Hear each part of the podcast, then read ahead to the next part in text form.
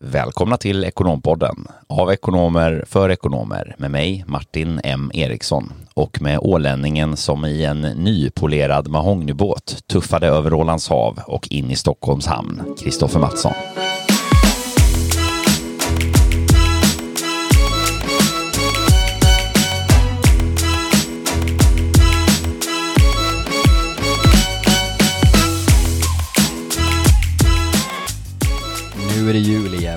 Nu är det jul igen. Vet du varför jag sjunger så Martin? Ja, för det är mindre än 30 dagar kvar till julafton. Ja, och i helgen var det första advent och eh, på Åland så firar man eh, eh, lilla jul, alltså alltid lördagen innan eh, första advent som är på söndagen då.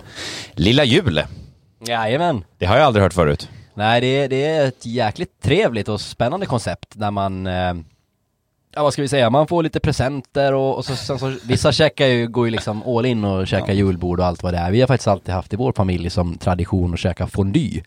Åh, ostfondy, köttfondy. köttfondy. Eh, Med potatisgratäng och lite härliga såser och sådär. Och, Låter ju som något för dig. Jajamän. Nej men väldigt trevligt. Däremot så har jag denna helg inte spenderat hemma med min familj på Åland. De fick fira lilla jul på egen hand, men eh, för jag har varit på ett helt annat evenemang. Jaså, vad har du hållit hus? Eh, Jag har varit på, på natten, eh, ett, ny, ett koncept som jag faktiskt aldrig har hört om förut och aldrig varit på förut. Men det är en, en nattklubb som anordnas något, någon gång per år och så är det en hel kväll med powerballader. Hur fantastiskt låter inte det Martin? Ja, men det låter ju som att eh, man står på dansgolvet och sjunger kärleksfullt en hel natt. Ja men kan ju tänka er liksom att eh, tusentals människor tänkte jag säga står och skriker till Céline Dions eh, My Heart Will Go On. Typ Ja. den, eh, den. Och det är ju precis det epitetet, det är där man har mig i mitt esse. Ja, precis. Det, det är ingen Roger Pontare som, som eh, Ja, det med. kanske, ja men det är mer lite såhär, du vet rockklassiker och lite sånt här, eh, ja men lite kärlek och, och, och ja, klassiska powerballader helt enkelt. exakt. Ja, vad kul, vad fint. Verkligen, och du har varit i eh, Marbella, hur, hur går recensionen här nu då när du är hemma på svensk mark igen? Ja, men exakt. Jag var nere här eh, torsdag till över helgen här då. Har du skickat något brev till någon som inte har kommit fram? Eh, nej, däremot så har alla mina vykort från Rom nu kommit fram. Det var ju ganska härligt. Jag fick alltså inte något vykort från Rom då. Nej, det fick du inte. Eh, men de få jag skickade har kommit fram efter fyra veckor. Mm, den, Ja. eh, det tar jag med mig. Ja, ja, men det man kan ju inte hålla på och skicka vykort till alla. Du är ju inte så digital av det. Du har ju knappt en adress du bor på idag. Det är ju risken att dina hantverkare skulle sno vykortet. Ja, precis. Ja. Du bor ju inte ens hemma nu. Nej, men jag har det fantastiskt härligt på min soffa. Ja, Frejgatan, granne med mig. Tillfälligt. Jajamän, en jätte, jätte god vän eh, som eh, ja, är vänlig nog och, och låter mig stanna på hans soffa. Eh, utbyte då så får han lite eh, matlagning ibland och, och eh, Trevligt sällskap. ett gott skratt. Ja, det är perfekt det. Nej men eh, jag var ju, det var ju som sagt, eh, recensionen är ju att eh, jäkligt trevligt. Det var ju första gången jag var i Marbella eh, och eh, väldigt, väldigt, väldigt härligt med lite sommartemperatur och sol och skönt väder. Och sen lite influenser med de här klassiska. Vi flög med en, på väg ner till Malaga givetvis då med en, en dansk besättning. Eh, betalar du flygresan med bitcoin? Eh, nej, jag gjorde faktiskt inte det. Med eurobonuspoäng. Ja, ja, ja. Så det är en annan typ av digital valuta som vi ska komma in på idag. Eh, men, eh, nej, men de gör det på lite, lite show. Det är ju alltid så roligt när man flyger med, med dansk besättning. Man får, får ju försöka antingen anstränga sig för att höra vad de säger eller så försöker danskarna prata svenska med, eh, med eh, dansk brytning på eh, SS flygsur till Malaga som ska tas ner på en eh, flygtid på 4 timmar 20 minuter. Flygväder är gott. Vi har eh, turen 30 grader i Malaga och eh, vi har eh, gott flygvärde. Så eh, tack för att ni valde till flygmästare SS Star Alliance. Så vi önskar en trevlig flygtur. Nu räcker det här din show-off. Ja, de, är, de är så jäkla härliga de här danskarna. Kapten Rasmussen med Stumen Hansen. Var det danska piloter eller? Ja, det var dansk, eh, dansk besättning i cockpit. Härligt, härligt. Ja men eh, annars då, idag ska vi prata om, eh, ja, lite blockchain och kryptovaluta, spännande. Ja, precis. Är det framtiden som revolutionerar och konkurrensutsätter centralbankerna eller är det bara en fluga där några kommer tjäna massa pengar och andra kommer bli urfattiga? Ja, det är eh, frågor som vi inte egentligen kan eller ska ge oss på och besvara idag, men, men vi hade däremot tänkt att ta ett litet grundläggande grepp. Varken du eller jag Martin är ju några superexperter inom, inom eh, ja, ämnet, men vi kommer att köra en liten kort introduktion till det och, och, och eh, lägga en bra grund inför ett senare fördjupningsavsnitt och där vi kommer att bjuda in en expert på området.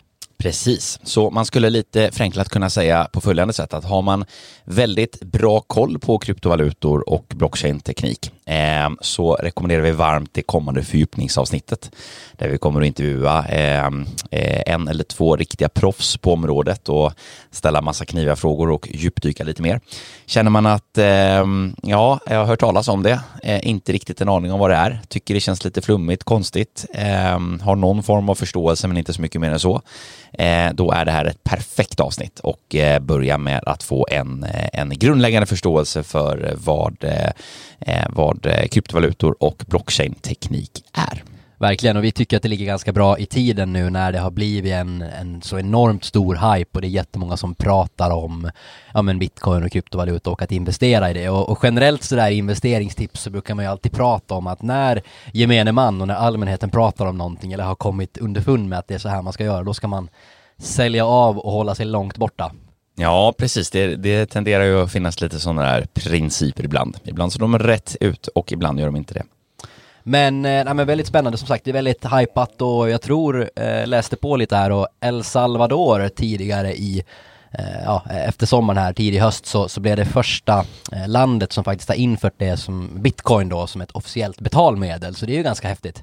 Ja, exakt. De, de eh, en del av de här länderna som inte ligger så långt fram i utvecklingen, de passar ju på att ta megakliv ibland för att hamna i framkant. Det ska bli spännande att se hur det där går. nu har inte jag koll, stenkoll på El Salvadors nationalekonomiska förutsättningar, men det känns ju kanske som att det kan bli eh, både lite flipp och flopp och kan säkert eh, gå jättebra i vissa sammanhang och finnas en del, hel del utmaningar i det.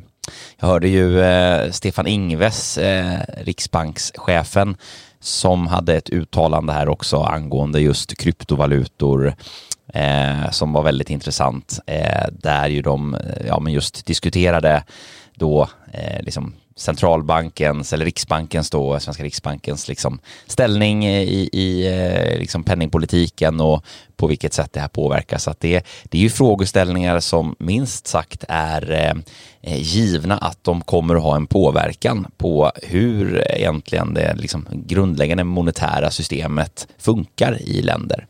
Eh, och det kommer ju utmana. Eh, så att vi ska hoppa in lite på att förklara lite de här bitarna idag. Så att det ska bli riktigt, riktigt kul. Har du eh, köpt några bitcoin eller andra, andra valutor? Jag eh, har eh, en ETF-fond som, som bevakar lite olika kryptovalutor och sådär. Men jag har inte köpt några själv och jag tänker bara tillbaka på min, på min bror. Han har alltid varit legat i framkant med sådana här grejer och det kan ha varit, undrar om inte han 2012, 2013 köpte ett par bitcoins och så hade han sin den här kod, koden och där han lagrade de här på något eh, hotell någonstans så var det på en post-it-lapp med massa krumelurer eh, som då var kopplat till en USB-sticka där man liksom ploppade in den i datorn.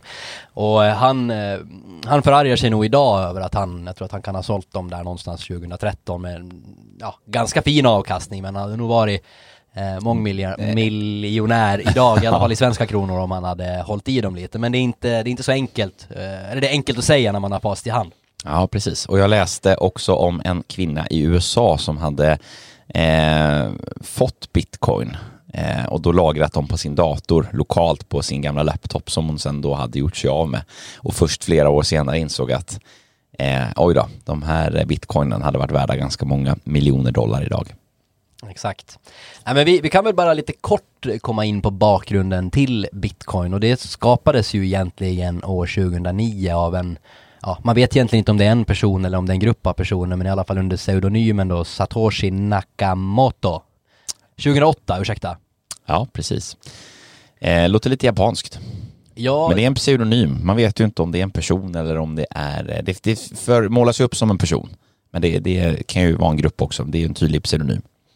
Exakt, och det här betraktar man ju någonstans som startskottet till, till bitcoin och egentligen kanske kryptovaluta då, för det bitcoin är väl den, den valuta som flest kanske känner till och, och pratar om idag. Ja, som var tidiga, tidigt ute och har haft en eh, stark utveckling.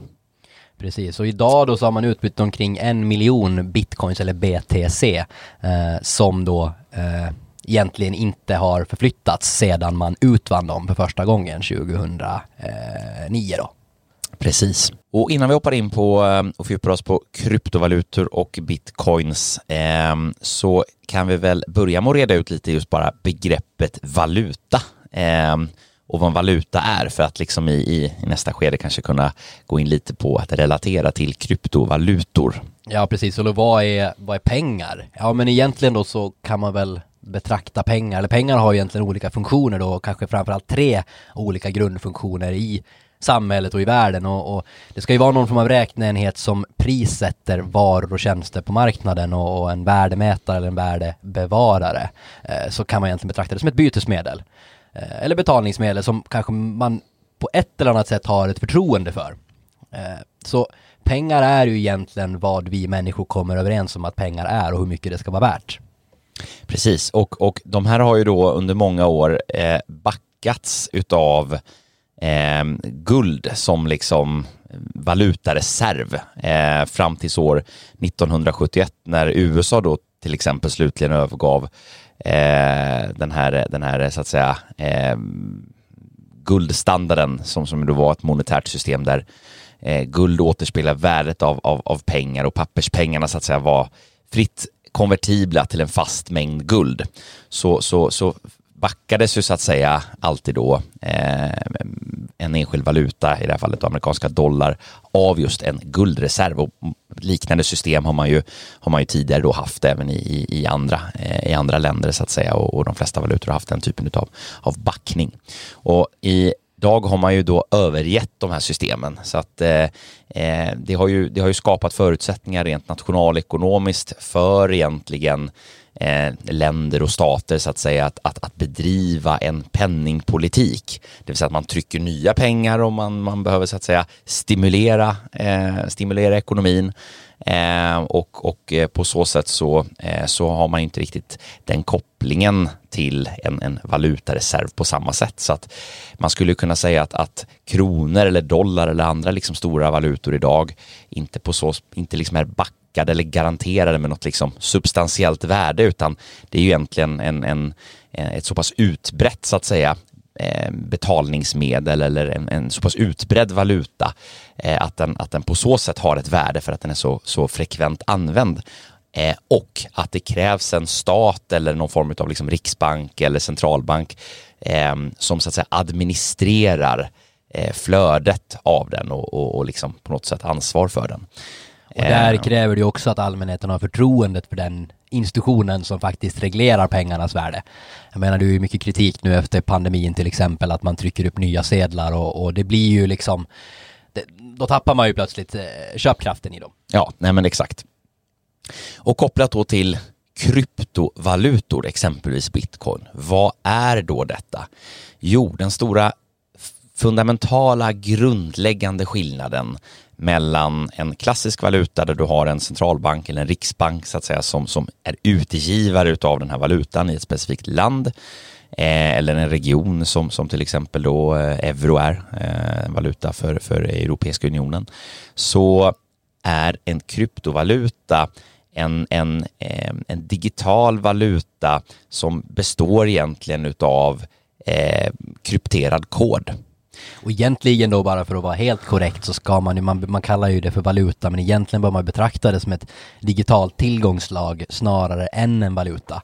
Eh, och den här tillgången då, jag menar till skillnad från till exempel aktier så, så har då till exempel inte bitcoin någon, något direkt fundamentalt värde utan värdet utgörs egentligen av, av ja, det är ju spekulation egentligen.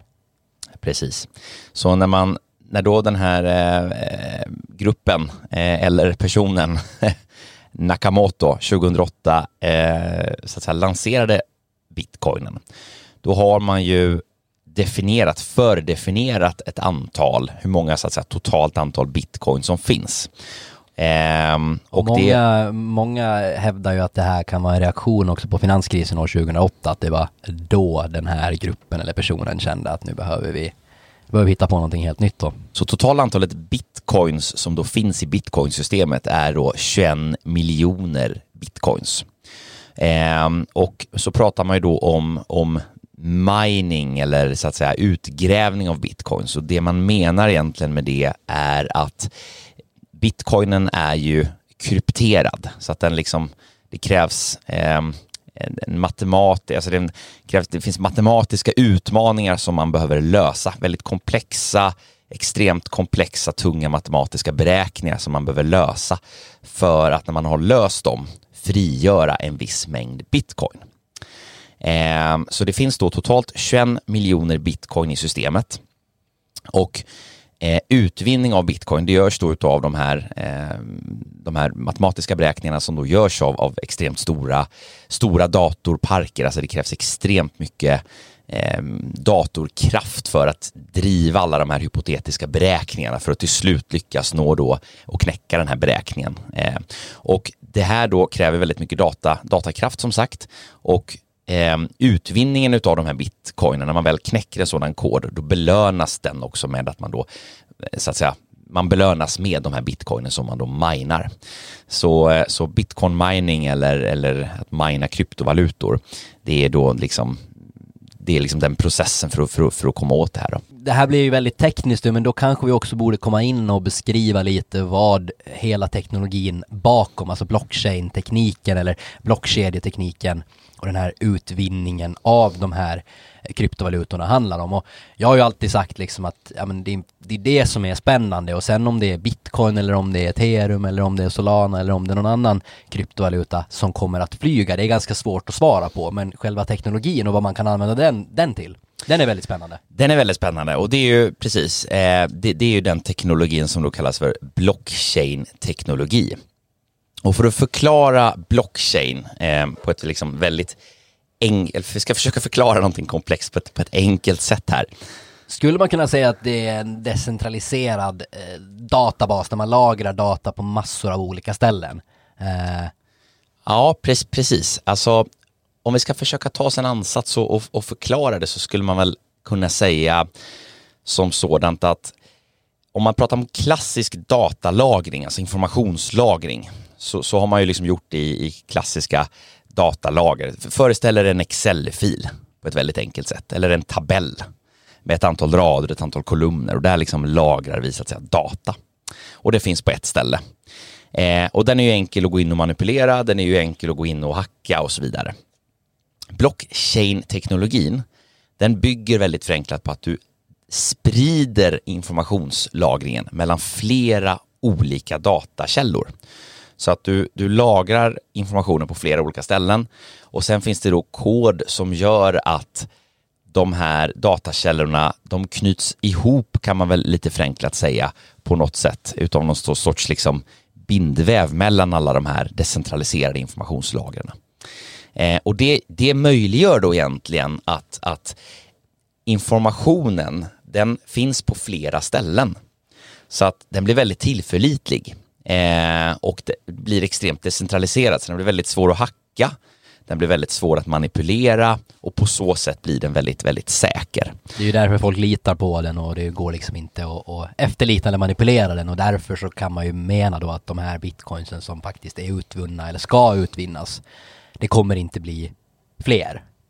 Nej, precis, utan där har man ju i till exempel bitcoin eh, fördefinierat i kryptovalutan då helt enkelt att det finns bara 21 miljoner. Och det är det som till exempel då, om vi går tillbaks då från, eh, från tekniken blockchain och tillbaks till själva kryptovalutan, om vi går tillbaks och hoppar tillbaks dit, så skulle man då kunna säga att det är det som egentligen gör den inflationssäkrad. Alltså inflation bygger på att eh, saker så att säga, värdet urholkas, men eftersom det finns ett begränsat antal så kommer ju när när man har minat ut alla och alla är ute i omlopp så kan man liksom inte trycka fler. Man kan inte trycka fler bitcoins. Däremot kan en centralbank trycka nya pengar.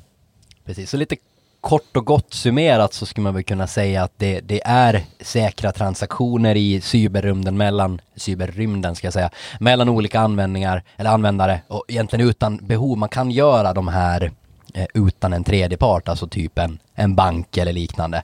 Eh, och just att den är så decentraliserad och finns på så många olika ställen i de här blockkedjorna så, så blir det väldigt, väldigt säkert.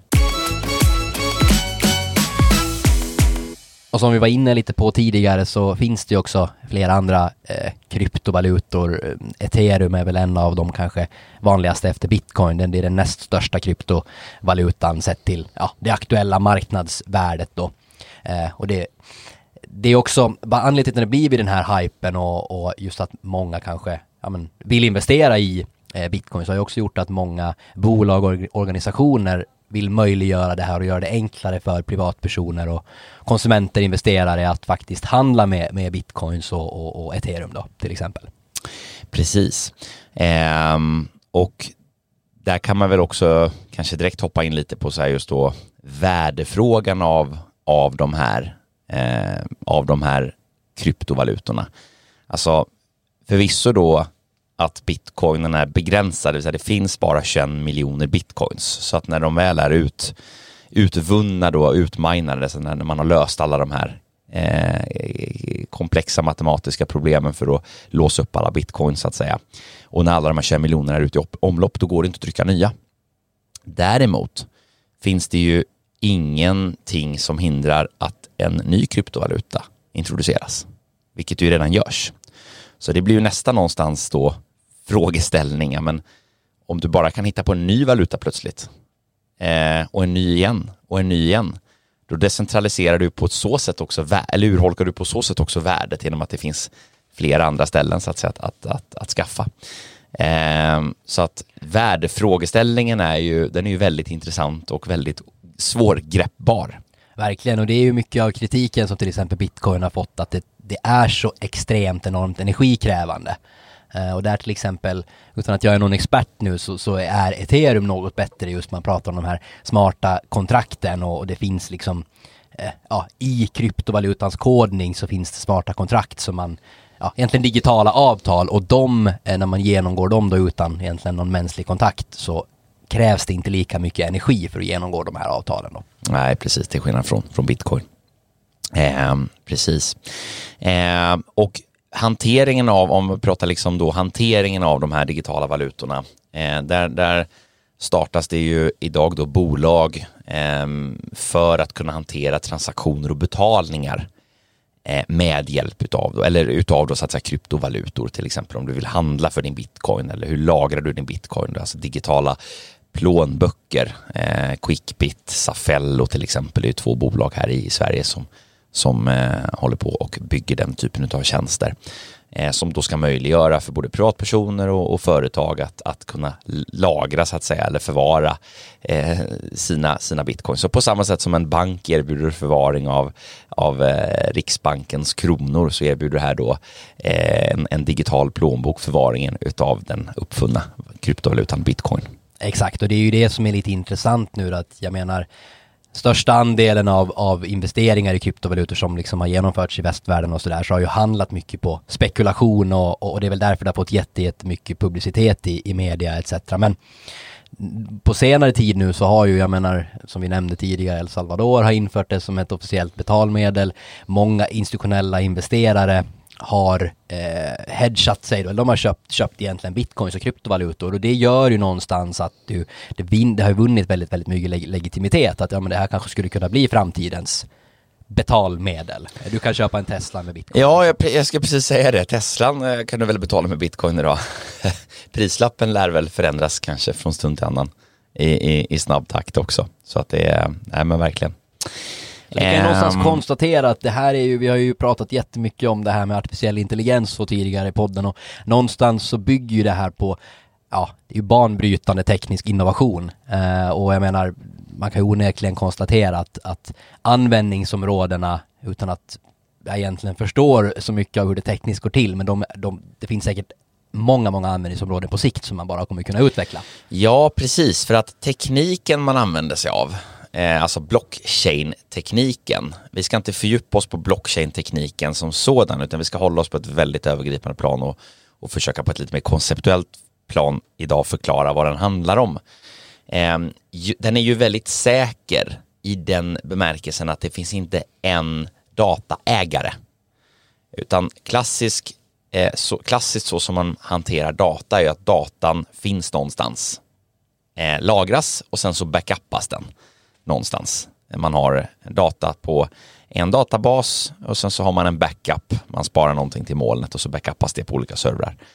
Eh, Blockchain-tekniken, den bygger ju på att datan decentraliseras och med en förutbestämd skriven kod som, som, som så att säga på nedlåst talar om hur man så att säga ska kommunicera den här datan mellan de här olika ställen där den finns. Och på så sätt så blir ju, blir ju själva tekniken väldigt tillförlitlig, den blir svår att hacka. Och det är det som också gör att, att det möjliggör då eh, olika sätt för hur man, eh, hur man kan använda den här tekniken i andra typer utav Eh, Eh, andra typer av områden. Som, och det här är väldigt early stage, man håller på att titta på inom supply chain till exempel, hur du liksom ska kunna till exempel hantera informationsflöden på ett väldigt, väldigt säkert sätt. Så att det, där är vi väldigt, väldigt tidigt ute, men, men det är en teknik som definitivt kommer att och, eh, och banbryta många områden. Ja, precis, och, och när vi pratar om de här smarta kontrakten också, att man eh, att man till exempel ska kunna förvara aktier på en sån här blockkedja utan att då behöva ha andra mellanhänder som olika clearinghus och, och, och, så. Så det finns ju mycket banbrytande grejer och, och frågeställningar som man kan Precis. Man kan. Tekniken kan man ju säga då, tack vare att den är så pass, tack vare så sättet tekniken är strukturerad på som möjliggör den hantering, säker hantering av information utan andra, eller utan en specifik mellanhand som behöver lagra den, eh, så att säga. Så att det är eh, extremt, extremt spännande. Men vi konstaterar då att eh, bitcoin eller kryptovalutor, vi betraktar det som ett digitalt tillgångslag snarare än en faktisk valuta. Eh, men man skulle ju kunna se det ändå som en ja, hedge mot inflation på ett eller annat sätt. Eh, ja, precis. Så länge det inte startas massa nya kryptovalutor kan Precis. man ju fundera på. Där har min oro liksom att, ja men vilken, jag menar det är jättemånga som har gjort extremt mycket pengar på, på eh, bitcoin kanske framförallt och kryptovalutor, men vilken är det som kommer dra i, i, i slutändan och hur tjänar man pengar på det? Mm, precis. Eh, det kan vi väl gå in och bolla lite på, just den frågeställningen. Hur kan man tjäna pengar på bitcoin? Men ett sätt är ju att mina de här bitcoinen. Alltså att, att gräva fram dem. Eh, och vad menar man då? Ja, det har vi varit inne lite på tidigare, men det är ju som sagt att genom, genom eh, matematiska beräkningar eh, hitta de här, lösa de här matematiska problemen och knäcka de problemen för att då bli tilldelad bitcoin och då får de tilldelat till sig Eh, och det krävs enorm datakraft och ju färre bitcoin det finns, ju fler bitcoin som så att säga är utminade, ju färre det finns kvar att mina ut, desto svårare blir de att mina. Så det krävs ju mer och mer och mer datakraft hela tiden. Så att det är ju eh, det som menas med att det är extremt energikrävande. Eh, jag hörde någon summering om det där, nu har jag inte det i huvudet, men det var ju så här helt sjuka energimängder för att mina fram en bitcoin eh, som, som går åt så att säga. Så att det finns en kostnad kopplat till det här och det kanske också blir någonstans en begränsning i värdet i den kan man ju fundera på att om kostnaden för att mina fram en ny överstiger den nuvarande kursen så kan man väl fundera på då är det inte ens värt att mina fram en ny. Nej, verkligen. Och en annan intressant frågeställning tycker jag att om det här, om bitcoin då möjliggör att du kan föra över pengar till mig utan att, att ha en tredje part inblandad. Ja, men eh, om, om, om allt fler börjar använda det här och det tillämpas av fler parter, ja men vad, vad blir konsekvenserna då för bankväsendet i, i stort och, och för andra då valutor, eh, även om då, Eh, bitcoin inte egentligen får kallas valuta då? Nej, precis. Det, det är en, en, en, en extremt intressant nationalekonomisk frågeställning eh, som ju man diskuterar mycket idag. Alltså hur, vad kommer det få för påverkan på, på, på den, den så att säga klassiska penningpolitiken som, som eh, riksbanker, centralbanker och stater för runt om i världen. Eh, där ju någonstans ändå staten äger, eh, äger frågan och plötsligt så, så hittas det helt nya sätt att transformera pengar. Och en annan grej jag tycker är ganska intressant, jag menar om man tar på liksom fundamental grundläggande aktieanalys eh, så tittar man ju ganska mycket på ja, men vem är bolagets grundare, vad har man för styrelse, vad är det för personer i ledningen. Bitcoin-nätverkets grundare är ju de facto, man vet inte om det är en person eller en grupp, man vet inte vem det är och jag menar det om någonting kan jag tycka känns ganska läskigt och skrämmande. Ja, definitivt läskigt och skrämmande. Ehm, det finns ju cybersäkerhetsfrågor eh, som också, är, eh, som också är, är intressanta i det här. Alltså man pratar om att tekniken är väldigt säker, men hur säker är den egentligen då? Eh, det är ju som alla andra tekniker som kommer. Så först uppfinns en teknik och sen så kommer ju de kriminella nätverken och hittar på sätt att komma åt det så att säga. Eh, därför att det finns pengar att tjäna i det såklart. Det är ju det är så det funkar. Och samma frågeställning är egentligen här när, vilken är den dagen den första digitala kryptovalutan hackas på något smart sätt av någon som kommer på något sätt att göra det här. Exakt. Det är ju en, en sån här cybersäkerhetsfråga, en, risk, en ren riskfråga där det liksom inte finns något svar, men det finns ju, hittar man ett sätt att hacka det här, alltså de som står bakom det här och liksom här embracear hela kryptovalut och, och blockchain-tekniken säger ju att nej, men det går inte, den är så säker så att det går inte. Um, men det vet man ju inte förrän eventuellt den dagen det är motbevisat. Så det är bara en intressant frågeställning. Vad är riskerna med det?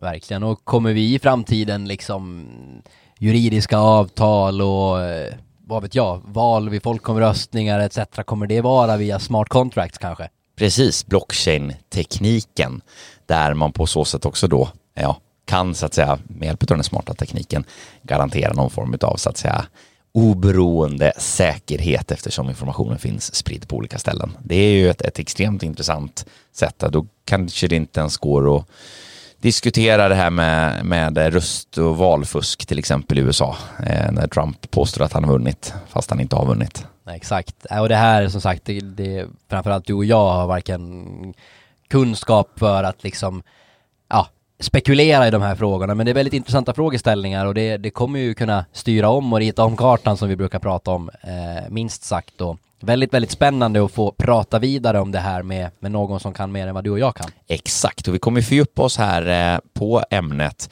både eh, vid ja, egentligen ett par olika tillfällen här eh, i Ekonompodden framåt med lite olika inriktningar. Kommer dels prata eh, kryptovalutor eh, och, och, som, som sådant.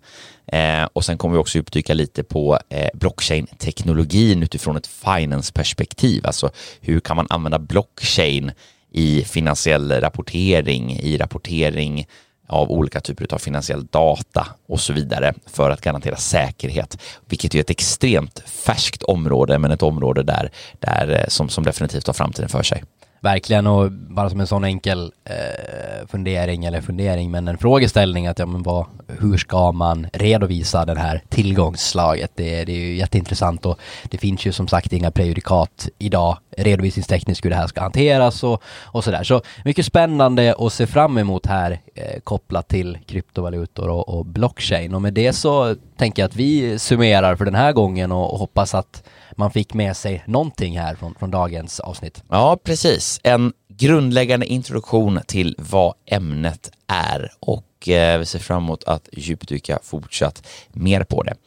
Eh, alla frågor på området eh, är jättevälkomna. Det är bara att mejla mig eller Kristoffer eller höra av sig via någon social kanal. Och kom ihåg att investeringar är alltid förenat med risk och inte minst om du handlar med kryptovalutor. Och en till disclaimer då, vi, det här är inga investeringstips utan bara allmän information.